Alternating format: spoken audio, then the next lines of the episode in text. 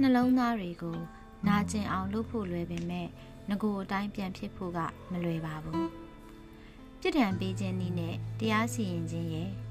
ငကိုမူလအခြေအနေရောက်အောင် ပြုလုပ်ပေးခြင်းဆိုင်ရာတရားစီရင်ခြင်းရဲ့နီလန်းနှမျိုးရှိပါတယ်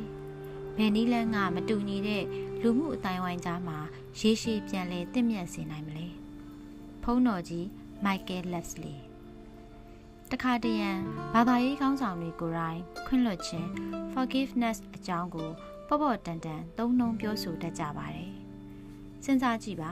ထိထိခိုက်ခိုက်ခံစားခဲ့ရခြင်းအတွက်ဈေးပေါ်ပေါ်ခွင့်လွှတ်ခိုင်းလို့တင့်တော်ပါမလားအသားအရောင်ခွဲခြားမှုစနစ်ကြောင့်ကြေမွနေတဲ့စိတ်ပိုင်းရုပ်ပိုင်းခံစားချက်တွေကိုမလေးမစားမလုပ်သင့်ပါဘူးအဖိနှိတ်ခံကြရသူတွေမှာလည်းလူကုန်တိတ်ခါဆိုတာရှိနေပါတယ် ကျွန်တော်အမြဲပြောလို့ရှိတဲ့ဥပမာတစ်ခုရှိပါတယ်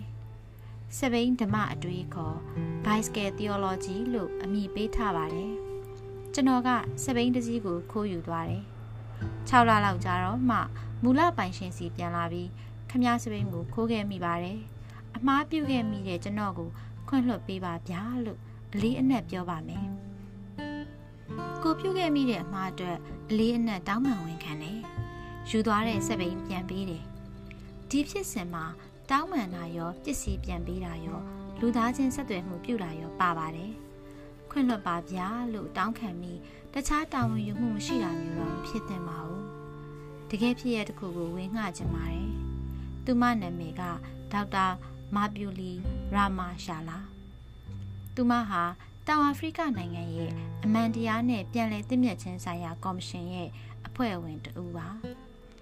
သူမရဲ့အိမ်ကလူပြူအများစုနေထိုင်ရာရပ်ကွက်မှာတည်ရှိပြီးသူမကိုယ်တိုင်ကတော့လူမဲတူဖြစ်ပါတယ်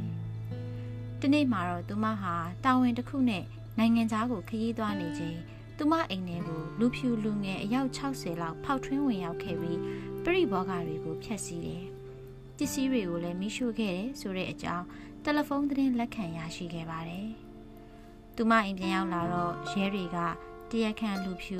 ခေါင်းဆောင်လူငယ်12ဦးကိုဖမ်းဆီးထားကြောင်းအသိပေးပါတယ်။ဒေါက်တာရာမာရှာလာကဘယ်လိုတုံ့ပြန်မယ်ထင်ပါသလဲ။သူမကတရားခံများနဲ့သူတို့မိဘများကိုပါခေါ်ယူပြီးစကားပြောပါတယ်။မင်းတို့ကငါတရားစွဲအရေးယူဖို့စီစဉ်မရှိဘူးလို့ပြောလိုက်ပါတယ်။ရဲတွေနဲ့သူမဆွေမျိုးတွေကစိတ်ဆိုးကြတာပေါ့။သူမကဆက်ပြောပါတယ်။ဒါပေမဲ့မင်းတို့ကြောင့်ငါရဲ့အိမ်ပျက်စီးသွားရပြီ။ မင်းတို့မှာတာဝန်ရှိတဲ့အတွက်တာဝန်ယူရလိမ့်မယ်ငွေစုပြီးပြန်ပြင်ပေးကြပါပြီးရင်ရက်ွက်ထဲကအကူအညီလိုအပ်နေတဲ့အသက်ကြီးသူတွေအားနည်းသူတွေကိုရှာဖွေကူညီပါငါစီကို6လတကြိမ်မင်းတို့ရဲ့လှုပ်ဆောင်ပေးစည်းမှုတွေရဲ့မင်းတို့ရဲ့အကြောင်းမှာဘာတွေသင်ယူနိုင်ခဲ့သလဲဆိုတာရဲ့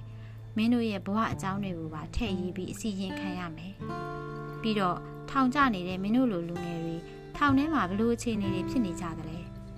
ထောင်ကလွတ်သွားသူတွေရဲ့မှတ်တမ်းတွေမှာကောဘလို့တွေတွေ့ရှိရတယ်လဲဆိုတာတွေအပြည့်အစုံပါရမယ်။သူမရဲ့လှုပ်ဆောင်ချက်ကဘလောက်များတင့်မြတ်လိုက်လေတလဲဗျာ။ထောင်ချအပြစ်ပေးလိုက်တာကအကောင်းဆုံးဖြေမဟုတ်ပါဘူး။အမေရိကန်နိုင်ငံမှာတော့ရာဇဝတ်ပြစ်မှုတွေအတွက်ထောင်တွေမလောက်လို့ပြည်သူ့ဗန္နာငွေတွေကထောင်တွေထပ်ပြီးတိုးချဲ့တိစောက်နေရတယ်လေ။ ဒေါက်တာရာမာရှာလာကတော့အပြစ်ကျူးလွန်သူလူငယ်တွေကိုတာဝန်ခံတာဝန်ယူတတ်ဖို့တယ်မကပဲကိုယ့်ဘဝကိုငကိုမူလအတိုင်းပြန်နေတတ်ဖို့ခွင့်ရေးပေးနိုင်ခဲ့ပါတယ်။ဝမ်းနည်းစရာကောင်းတာကတော့အသားအရောင်ခွဲခြားမှုလိုလားတဲ့လူပြူအစိုးရပြုတ်ကျသွားပြီးနောက်တက်လာတဲ့လူထုအားကိုးသောတောင်အာဖရိကဒီမိုကရေစီအစိုးရဟာပြန်လည်တည်မြဲချန်လန်းစဉ်အတွက်အလွန်အရေးကြီးသောအလုပ်တွေကိုအလေးထားမလုပ်ကင်ခဲ့ခြင်းပါပဲ။ သားရောင်ခွဲခြားမှုစနစ်ဆိုးကြောင့်ထိခိုက်ခံစားရသူတွေကိုပညာရေးကျန်းမာရေးထောက်ပံ့ပေးမဲ့အစီအစဉ်တွေဆုံးရှုံးသွားရတဲ့အရာတွေအတွက်ပြန်လည်ဖြည့်ဆည်းပေးမဲ့အစီအစဉ်တွေကိုမေ့လျော့ထားခဲ့ကြတယ်။မေ့လျော့ထားလိုက်ခြင်းရဲ့ရလဒ်အနေနဲ့တောင်အာဖရိကလူမှုအတိုင်းဝိုင်းထဲမှာယုံကြည်မှုတွေပြန်လည်မတိဆောက်နိုင်သေးသလိုစည်ရင်ချမ်းသာကွာဟချက်ကလည်းပိုကြီးမားလာတာကြောင့်အကြမ်းဖက်မှုတွေကပိုတိုးလို့လာနေရပါတယ် တစ်ချိန်ကအသားအရောင်ခွဲခြားမှုစနစ်ကိုကျင့်သုံးတဲ့တောင်အာဖရိကလူမျိုးအစိုးရကိုကူညီထောက်ပံ့ခဲ့တဲ့အမေရိကန်နိုင်ငံကနိုင်ငံတကာစီးပွားရေးအဖွဲ့အစည်းကြီး23ခုကိုအမေရိကန်အစိုးရကအရေးယူပြီးတောင်အာဖရိကလူတို့ကိုကူညီဖို့အမိန့်ချမှတ်ခဲ့ပါတယ်။သို့ပေမဲ့အဲ့ဒီစီးပွားရေးအုပ်စုကြီးများကဒီမိုကရေစီအစိုးရအသစ်ကိုမြစ်တာရက်ခံလိုက်တဲ့အတွက်လူလူစီရောက်ရမယ့်အကူအညီတွေကနှောင့်နှေးနေပြန်ပါတယ်။ တချို့အစိုးရထိပ်ပိုင်းမိသားစုဝင်တွေရဲ့အစုရှယ်ယာများကအမေရိကန်စီးပွားရေးအုပ်စုတွေရဲ့လုပ်ငန်းထဲမှာထည့်ထားတာလည်းရှိနေပြန်တော့အစိုးရနောက်ွယ်ကလက်မဲကြီးတွေရဲ့ဒဏ်ကိုလည်းပြည်သူတွေခံစားနေကြရပြန်တယ်။ကျွန်တော်တို့ရဲ့တောင်အာဖရိကပြန်လည်တင့်မြတ်ရေးခရီးကတော့အဆုံးမသတ်နိုင်သေးပါဘူး။လမ်းကျန်းကိုဖျက်ဆီးနေရသေးပါ။ဒါပေမဲ့ယုံကြည်ချက်မပြတ်တမ်းဆက်လှုပ်ဆောင်နေရမှာကတော့တောင်အာဖရိကနိုင်ငံသားဖြစ် ခံယူလိုက်တဲ့ကျွန်တော်ဖုန်းတော်ကြီး Michael Lapsley ရဲ့တာဝန်ပါပဲမဟုတ်လားခင်ဗျာ